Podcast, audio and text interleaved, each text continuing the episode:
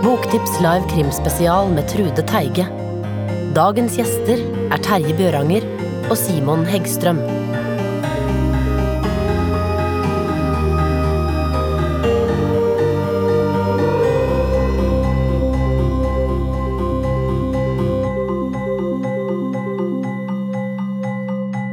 Denne programposten het opprinnelig Virkelighetens CSI, fordi Trude Teige og Eva B. Ragde har lagd en bok om Eva B. Ragdes jobb i, som politietterforsker. Dessverre kunne ikke hun komme, men vi har jo flere politifolk som også er krimforfattere, og derfor kalte vi programposten nå Politi og forfatter. Fordi vi har den svenske Simon Heggström, som selv jobber fortsatt i politiet og er en strålende krimforfatter. Og så har vi vår egen Terje Bjøranger, som altså er eh, politiadvokat i Kripos, og som akkurat ble nominert til Riverton-prisen for sin siste bok 'Kalifatet'. Og da var det jo utrolig deilig at programlederen er president i Riverton-klubben, og en av våre ledende krimforfattere. Og nå er til og med Dagsrevyen her for å liksom følge denne Simon. Så nå blir det en test på at dere kan ta dem imot som de stjernene de er. Ta godt imot Terje Bjøranger, Simon Heggstrøm og Trude Teige.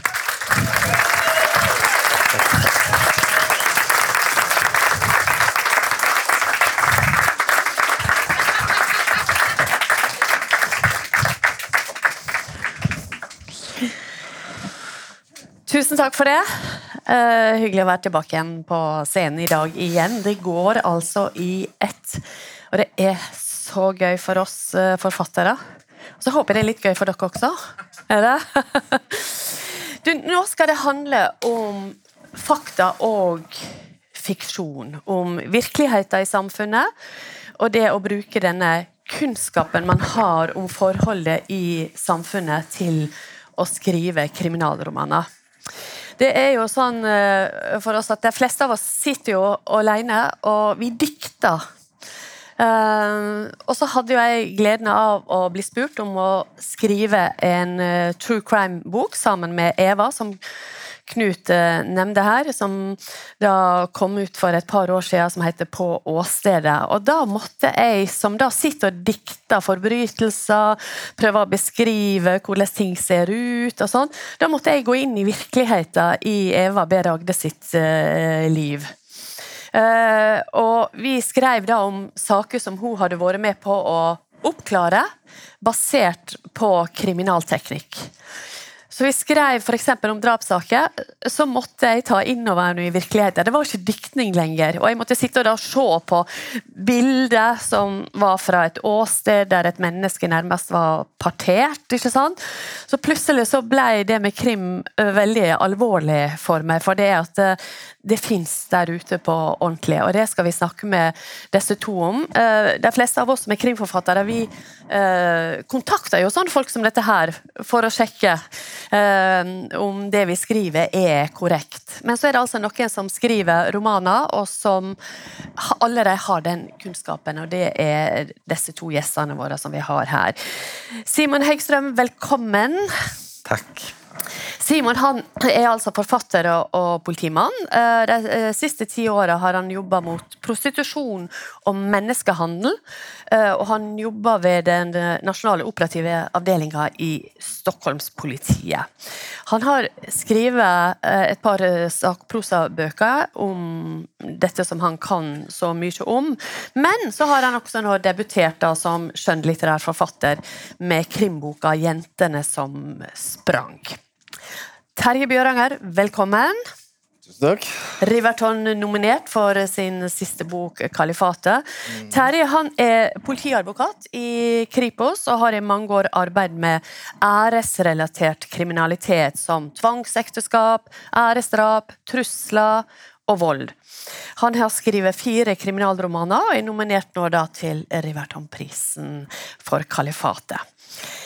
Og det er sånn, Hva ende begynner vi med når vi skal bore litt i det som er sant, og det som fins i eh, virkeligheten i samfunnet i Sverige og i Norge? Og jeg tenkte Simon, at vi skal begynne rett og slett 13. mai klokka 19.32. for snart to år siden. En 51 år gammel svensk TV-kjendis stansa utenfor ei leilighet på Östermalm i Stockholm. Hva skjer så? Ja, just det. Ja, det var ju ett väldigt, väldigt uppmärksammat ingripande som vi gjorde. Ehm, vi, har ju en, vi har ju en liknande lagstiftning både i Sverige och Norge där det är förbjudet att, att, att köpa sex. Och eh, en stor eh, del av min arbetstid när jag är polis går ju ut på att eh, vara i de här miljöerna och eh, ingripa mot både sexköpare men också hallickar, eh, det som kallas för bak, bakmän va? här i Norge, ja. Eh, och, och människohandlare. Och det som är så fascinerande med just det här brottsområdet är ju att också skrämmande, det är ju att när vi gör våra ingripanden så kan det på ytan vara vem som helst. Vi har ju gripit allt ifrån tv-kändisar, åklagare, poliser, präster, läkare. Eh, det är ju det är en fruktansvärd brottslighet på det sättet för att det är, det är inte liksom grovt kriminella som står för den här brottstypen utan det är på ytan ganska så vanliga män va? som bidrar till att förstöra livet för de här stackars eh, kvinnorna. Men, men just det här ingripandet blev ju, det slog ju ner som en bomb för det var ju en av kanske Sveriges mest kända tv-profiler sedan många år tillbaka. Eh, och jag hade 67 missade samtal från journalister dagen efter när jag vaknade.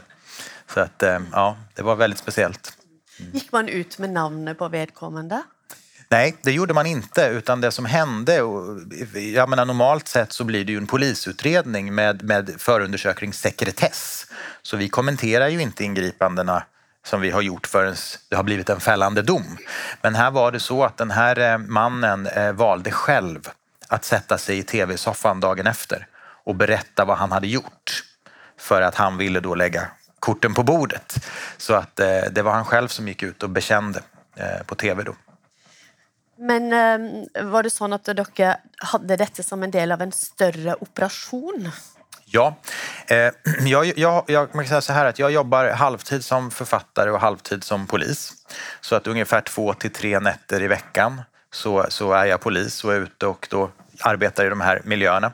Och, och, och, så jag jobbar med det här hela tiden. Men sen ibland så gör vi större riktade insatser där vi kanske är en, eh, uppemot en 30 poliser under en veckas tid som åker ut i Stockholmsnatten och bara liksom jobbar i de här miljöerna. Och det här var just en sån insats. Vi har valt att kalla de här insatserna för insats torsk. Är nämligen ett, ett, ett, ett, ett eh, ska man säga, ett eh, annat ord för sexköpare. Eh, så det går, de här riktade insatserna går under benämning insats torsk. Så det var en sån stor insats som vi hade. Torsk är egentligen horekunde? Ja, precis. Ja. Mm, nettopp. Vad var din roll då under den operationen? Ja, jag, jag har jobbat med den här frågan nu faktiskt sedan 2008. Så att det är ganska länge. Så min roll eh, är ju att eh, jag är förundersökningsledare då. Så att eh, min roll är att se till så att ingripandena sker på rätt sätt och att man säkrar den bevisning som krävs. Jag är med och håller förhör och alla de här sakerna som behövs göras i en polisutredning. Och försöker också lära unga kollegor när vi gör en sån stor insats så kommer det många gånger in eh, yngre poliser som kanske aldrig har jobbat med det här tidigare som vanligtvis jobbar i uniform och, åker på liksom andra typer av polisjobb. Men när vi gör såna här stora insatser så, så, så försöker vi också lära upp nya poliser om, om både lagstiftningen men också eh, ge dem mer kunskap om det här brottsområdet. Eh, vilka är de här kvinnorna? Eh, vad har de med sig i bagaget? Just det här med prostitution är ju någonting som präglas av mycket myter och fördomar ute i samhället. Många tror att det här är kvinnor som har valt det här själva och som tjänar mycket pengar och, och så och att, att, att man liksom eh, mår bra. Men, men vi märker ju att det är ju en värld med, som präglas av väldigt, väldigt mycket lidande. Kvinnor som kommer från väldigt, väldigt fattiga förhållanden och där, där sexhandeln, prostitution, blir ett sätt, den sista utvägen för att kunna sätta fram mat på bordet till sina barn. Och det är väldigt viktigt att man som polis har kunskap om det här när man möter den här gruppen. Eh, så det är något vi försöker förmedla. Hur reagerar dessa horekunder, dessa torskarna, när de blir, eh, blir tatt? Hvordan reagerer alle veldig skamfullt, eller eh, Ja, får livet sine ødelagt, på en måte? Ja, så är det. För det, är ju, det här är ju ett, väldigt, eh, ett, ett brott som förvisso enligt lagen bara genererar i böter. Så, så att det är ju väldigt lindrigt brott sett till straffskalan. Men eh, samhällets straff är ju betydligt hårdare. För att det här är ett straff som präglas av väldigt, väldigt mycket skam. Och reaktionerna, ja, jag har ju, jag har ju gjort, alltså det rör ju sig om några tusen ingripanden och det är väldigt så de kan variera väldigt mycket, de här reaktionerna.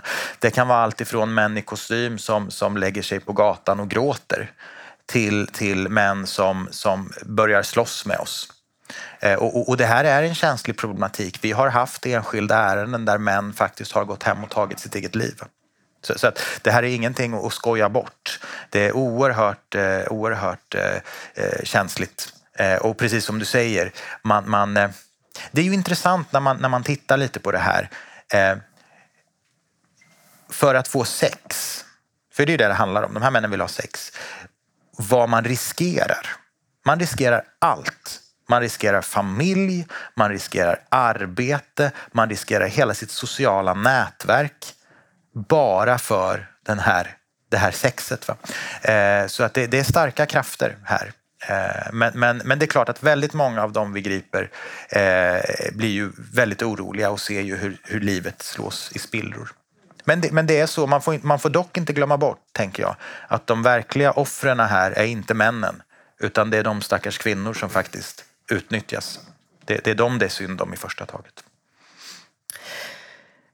Terje, eh, i din debutroman från ja. 2010, Den tredje søsteren, den omhandler tvangsekteskap og æresdrap i et sånt norsk-pakistansk eh, miljø. Og jeg kan huske når du kom med den boka, og vi satt og prata litt sammen, og du begynte å fortelle om bakgrunnen hvordan du kom inn i det, det, her feltet. Kan ikke du fortelle litt, for det, det er en besnærende og dramatisk historie. Mm. Ja, det var den første boka, og mm, det er ett et felt som jeg så da som utrolig viktig, og det er det også fortsatt. Per i dag så jobba jeg med kanskje et par tusen sånne saker. Jobba med det i et par og 20 år, og det begynte jo med Jeg jobba i barnevernstjenesten når det her eh, begynte.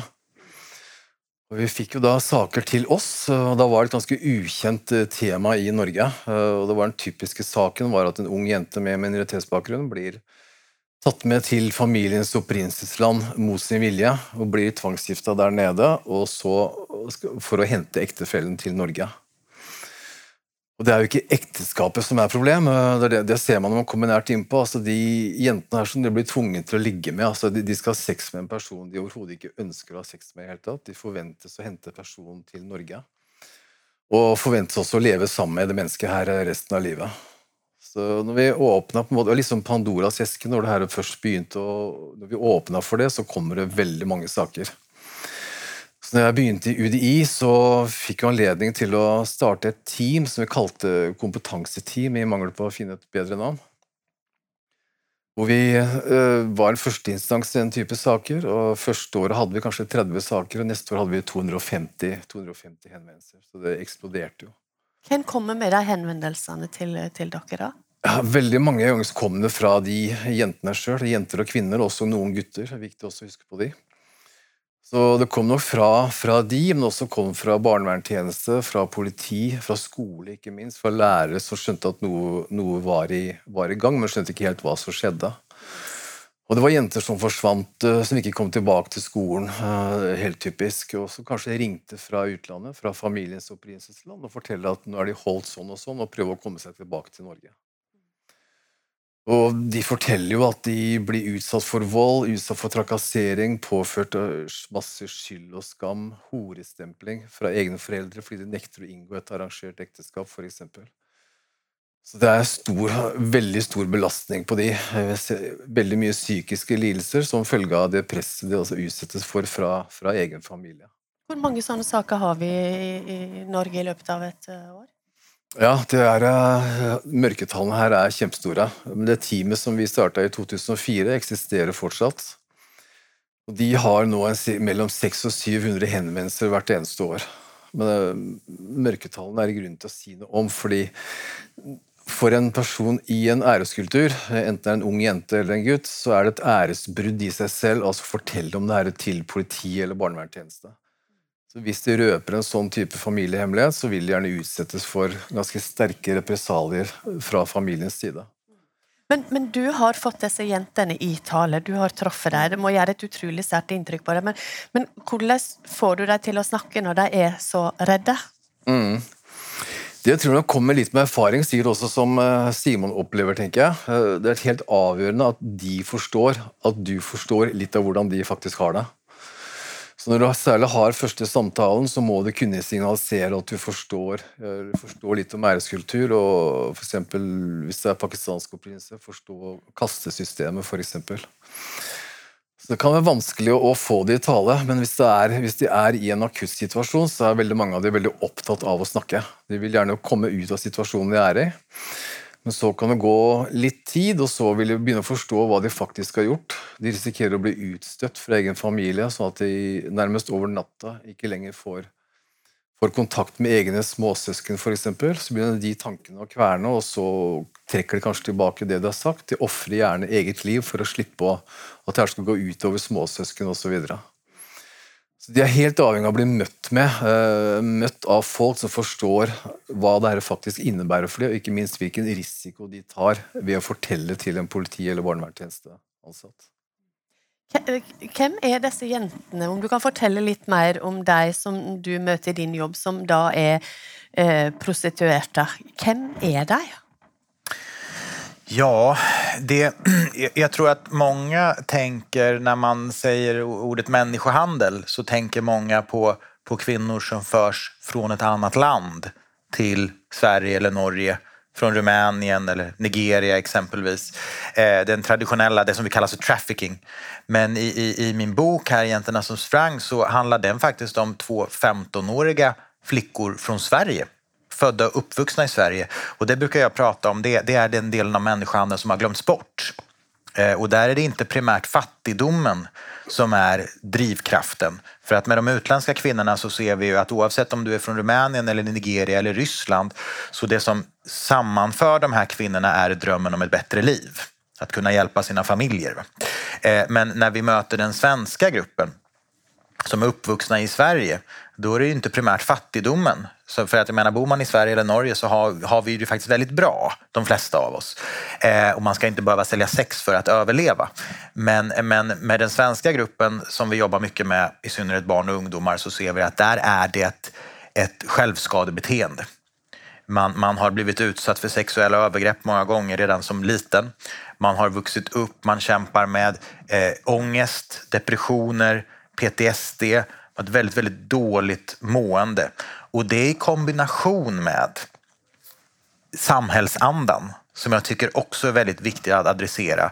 Vi träffar ju idag en ung generation som har så att säga vuxit upp i ett samhälle där man måste synas till vilket pris som helst.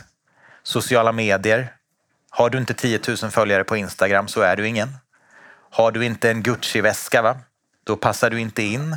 Alltså det är oerhörda krav idag på i synnerhet unga, unga tjejer. Vi har ett antal influencers som, som sätter ribban för hur man som ung tjej ska se ut vad man ska ha för kläder, hur, hur, vad man ska ha för typ av kropp. Och det här vållar ju, vill jag påstå, en enorm psykisk ohälsa hos vår unga generation. Och där det helt plötsligt så är det viktigare att se bra ut på utsidan än att må bra på insidan. Och, och, det gör mig väldigt, väldigt orolig för att eh, eh, vi möter så många eh, eh, företrädesvis unga tjejer som känner att de når inte upp till den här nivån som krävs. Och då blir det så att, att, att, att, att det här med att sälja sex eh, blir ett sätt att få pengar. Och för de här pengarna så kan man då köpa alla de här prylarna som gör att man blir någon och att man då blir bekräftad av människor runt omkring. Så att, så att jag tänker att, att, att, att, att min bok handlar ju mycket också om den rådande samhällsandan. Vad är det för samhälle som vi har tillåtit växa fram? Eh, det gör mig väldigt, väldigt orolig. För jag, jag, jag tänker att, att, eh, det viktiga i livet är ju inte att, att vara snygg. Det viktiga är att man mår bra på insidan. Men, men tyvärr så har vi väldigt många barn och ungdomar idag som blir lurade och tror att de kommer hitta meningen med livet i en Gucci-väska. Och, det kommer man ju inte att göra. Och det här i kombination då med ett dåligt psykiskt mående gör att man blir, blir lätta offer för, för just sexhandeln. La oss snakke litt om um, kalifatet, uh, Terje. og det, det, det sanne historien bak kalifatet, da, på sett og vis. Uh, uh, tror du alle her vet hva kalifatet egentlig er for noe? Nei, jeg tror vel egentlig ikke det. Det mest kjente er vel det kalifatet som IS forsøkte å bygge opp i Syria og Irak. Mm. Så kalifat er jo en styreform innenfor tradisjonell historisk islam. Mm. Det er jo et kalifat. Det er kalifatet. Mm. Men fins det folk i Norge som faktisk ønsker den type styr styringsform? Ja, Det viser seg jo at det var jo noen som gjorde det. Vi har reist fremmedkrigere både fra Norge og Sverige. Men det er viktig å si at her, det, her skal man ikke generalisere. Så vi snakker om islam, og det er altså veldig stor forskjell på hva som er en troende muslim sånn i, i, hverdagen, sånn som det er i både Norge og Sverige, og de som faktisk ønsker et kalifat av typen IS. Faktisk så er det jo sånn at uh, det vi kaller vanlige muslimer, vil også være ofre for jihadister, altså for islamister, fordi de oppfattes å ikke være de er ikke rettroende lenger. altså De blir ansett som frafalne fordi de har tiltatt seg vestlige verdier og ønsker å leve på normal måte i samfunnet. Så de er like mye ofre som oss. Samtidig så er det viktig, tenker jeg. Eh, som jeg har vært litt, litt, nerd på det og fulgt med på det temaet i kanskje 10-15 eh, år. Samla på alt jeg har funnet. Eh, begynte å lese Koranen, selvfølgelig, og så lese alle bøker for og mot islam, og se, og, og se på hva det her faktisk er. Og Samtidig så har jeg hatt samtaler med hundrevis på hundrevis av jenter i forbindelse med æreskultur, og de forteller også om sine brødre. Det kan være fettere, onkler, også folk i sitt opprinnelsesland, som kan fortelle litt om hvilke holdninger som faktisk kan være der. Så jeg tror nok at det er en del som, eh, som om ikke ønsker IS, som dere har ganske fastspikra holdninger, men eh, igjen så er det store flertallet av vanlige muslimer de er mer på offersiden, sånn som oss, i forhold til, til islamistene. Mm. Simon, du har jo engasjert deg i samfunnsdebatten uh, og blitt en sterk stemme i, i, Sverige. Og du har skrevet to sakprosabøker om dette som opptar deg. Og så går du over til romanformen. Hvorfor det? Ja, det, det där är en bra fråga för att jag, till skillnad tänker jag från många, många eh, författare så, så, upplever jag det som att många författare har, har, har liksom burit på en dröm och skrivit sedan de var små. Jag tänker många av oss poliser, nu vet jag inte hur det är med Terje, men, men vi, jag har inte burit på någon författardröm sedan jag var liten i alla fall, utan vi har liksom tack vare våra arbeten börjat skriva. Men, men när, jag, när jag släppte min första faktabok, eh, som, det var ju bara tänkt att jag skulle släppa en bok och liksom visa vilken verklighet det var vi såg.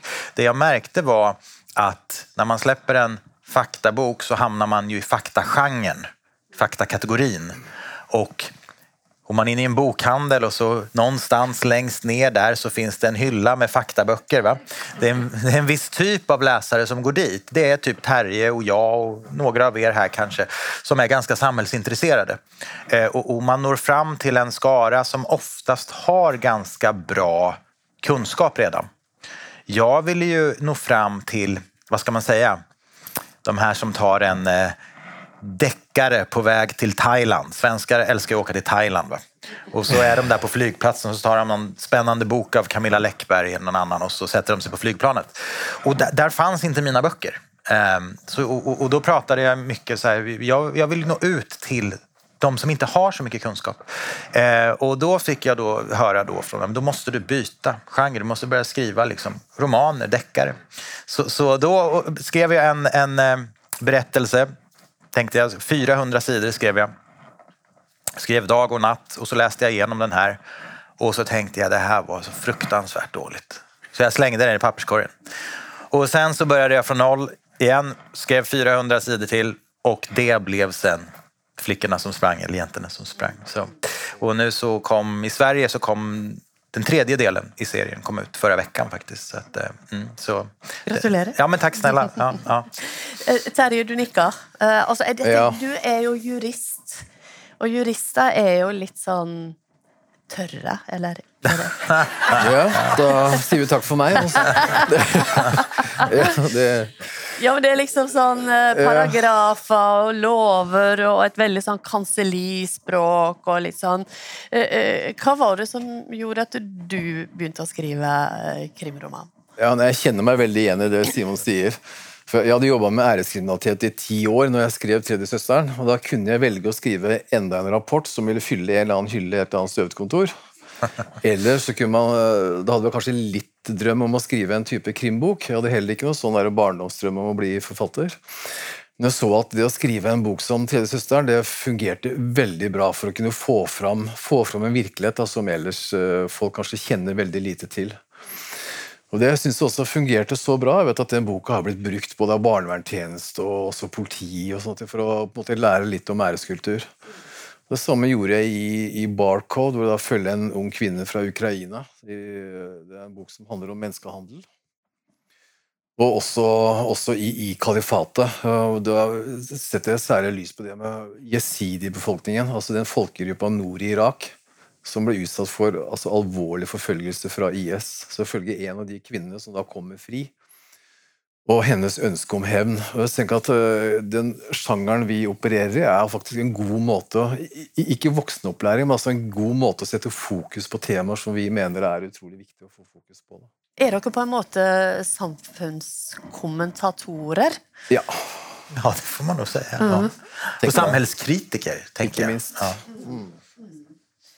Eh, Jeg kjenner jo flere av dine bøker, Terje. Det, det er sånn ekstremt kunnskapsbasert.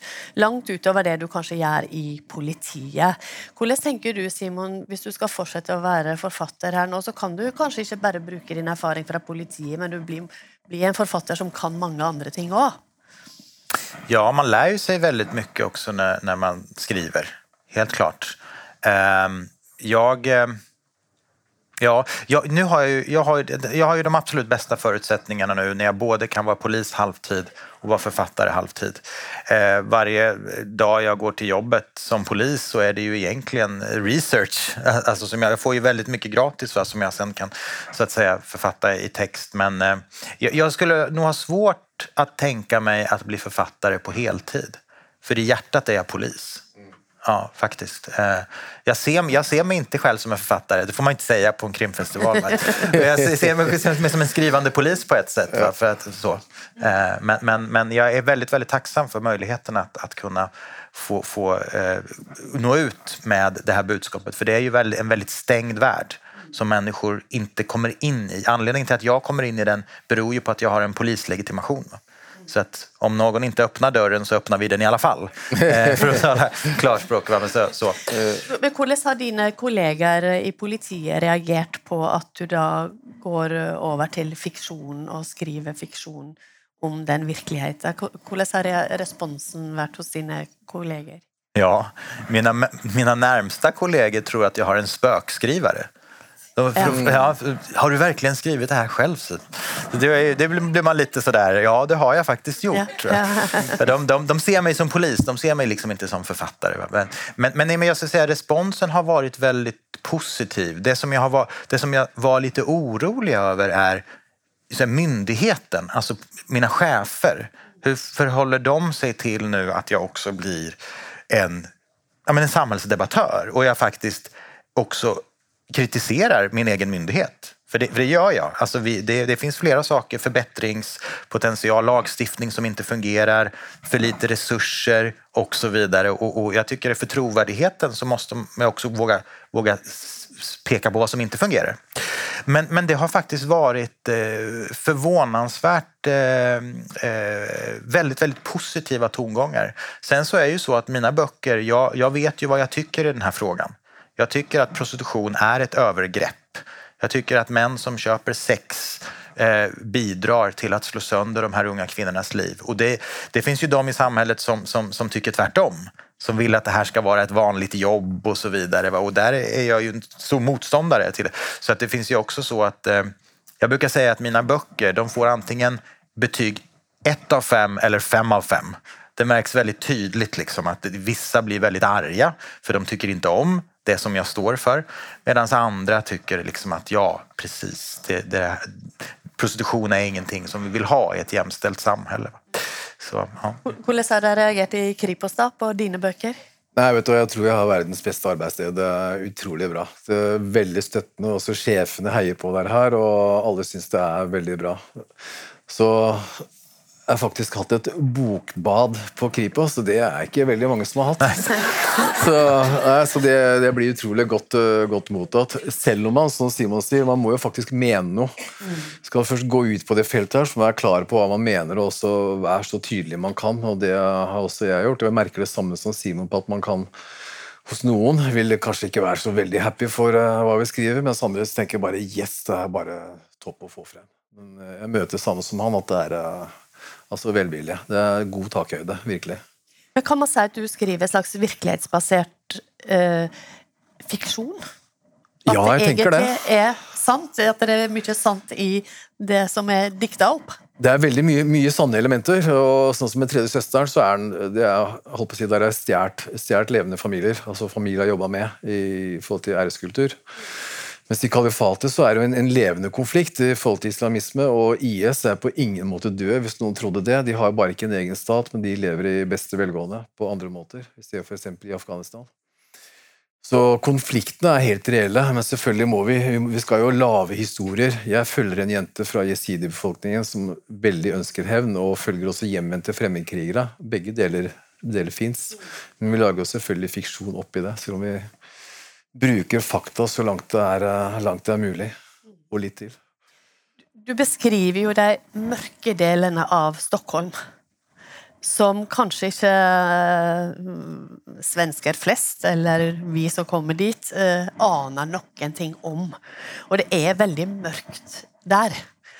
Eh, uh, Fins det Altså, hva skal til för att du ska på en måte få vara med till att bidra till en endring för för exempel dessa jentene? Er det, hva, ligger hoppet om ett annat liv för dessa kvinnor? Ja, till att börja med måste män sluta köpa sex. Det för, för att tala klarspråk. Eh, tittar vi på de befolkningsbaserade undersökningar som vi har gjort i Sverige så, så kan vi se att eh, ungefär 10 procent av män i Sverige kommer någon gång under sin livstid att betala för sex. Det var tionde man. Helt plötsligt så är det någon som vi känner Alltså det, många tror ju att det är en liten klick som ägnar sig åt detta. Men det är faktiskt väldigt, väldigt många som gör det. Och, och vad de här männen gör när de köper sex är ju att de, de dels bidrar till att slå sönder de här kvinnornas liv, för de vill inte vara där. Men också så investerar de sina pengar rakt in i organiserad brottslighet. Eh, det är det det handlar om. Så, så att det är ju såklart den, den, den, en, en av lösningarna. Sen så handlar det ju givetvis också om att de här kvinnorna måste eh, ges möjlighet till en väg ut. Alltså alternativ, eh, möjlighet till arbete, möjlighet till utbildning. Möter du kvinnor som har kommit sig ut av det? Finns det någon eh, vackra historier om detta? Ja, men eh, jag kan ta ett sådant exempel. Eh, en, en, eh, man har ju mött, det är många ärenden genom åren som verkligen har berört en. Eh, och jag tänker på ett ärende som vi hade eh, det var en sån här sexannons som låg ute då på internet och vi såg ju på den här kvinnans bilder va? att hon, hon, hon utgav sig för att vara 18 år men vi såg att hon, hon ser inte gammal ut. Så vi, eh, vi lyckades spåra upp henne och se vem hon var. Hon var 13 år, den här flickan. Hon var från Sverige. Eh, och hon berättar för oss att hon började sälja sex när hon var 11 år gammal. Alltså ett litet barn helt enkelt. Och vi hittar henne två år senare, hon är 13 år. Då har hon 95 procents frånvaro i skolan. Går i åttonde klass. Knappt inte närvarande på någon lektion. Hon säljer sex på mer eller mindre heltid. Och skickar pengarna till sin pojkvän som är 12 år äldre och han knarkar upp alla pengar. Mm. Den, här, den här unga tjejen har jag och jag kommer ihåg hur jag tänkte när jag träffade henne att den här flickan kommer inte att överleva sin 18-årsdag. Alltså hon var i så dåligt skick. Så att hatade sig själv, alltså sökte sig till den här män, de här männen som de fick göra vad de ville med henne. Det var självhat. Och jag tänkte det här kommer inte att sluta väl. Eh, jag har följt henne under alla år. Eh, och vi brukar träffas en gång om året på sommaren och, och äta middag. Och så får, jag, får hon berätta om sitt liv. Idag är hon 19 år. Hon gick ut gymnasiet med högst betyg i klassen. Hon hade toppbetyg. Idag studerar hon på juristlinjen och drömmer om att bli åklagare och jobba med polisen för att sätta fast de här männen. Det är en fantastisk historia. Hur, hur, hur, och det beror inte på mig, det beror inte på någon socialtjänst utan hon, det är hon som har vänt sitt liv rätt. Och det har varit en oerhörd resa med, med, med oerhört jobbigt med traumaterapi och med väldigt, väldigt mycket. Men det visar, jag blir påmind varje gång jag befinner mig i en situation som är väldigt mörk, att jag vet att, att det spelar ingen roll hur mörkt det är. Det finns alltid en väg ut. Va? Och det har hon verkligen påmint mig om. Så att det, det, det finns hopp, det finns ljus mm, också. Vad tänker du om det, Terje, som har mött alla dessa kvinnor i denne æreskulturen? Jeg tenker det samme som Simon sier. Vi har også eksempler her med jenter som har, og eh, også gutter som har vært i altså, dype voldelige konflikter med egen familie og egen slekt. Som har klart å ta et oppgjør med det. klart å faktisk, De har gjerne brutt med familie, og som har klart å få seg en utdannelse, klart å få seg et bra liv. Så de, de tilfellene hvor det faktisk skjer, det er det som gjør at du faktisk er i stand til, eller som orker å faktisk å, å jobbe med det. Så det at man ser at det faktisk nytter. Og man kan si at De har virkelig dårlige odds når de faktisk begynner, men de klarer å få frem ressurser i seg sjøl som ikke vi så der i utgangspunktet. Så det finnes sånne historier, og det er utrolig viktig. Da er det en fin plass å, slutte. Jeg skal bare nevne til slutt, uh, siden Eva B. Ragde ikke kunne uh, være med oss i dag, at uh, den boka som hun og jeg skrev sammen, er jo blitt TV-serie. Og jeg er sikker på at noen av dere har sett Eva spille seg sjøl på TV Norge i serien Unnskyld. Bak sperringene. Bak, bak sperringene. Og Eva har nå spilt inn fire nye episoder.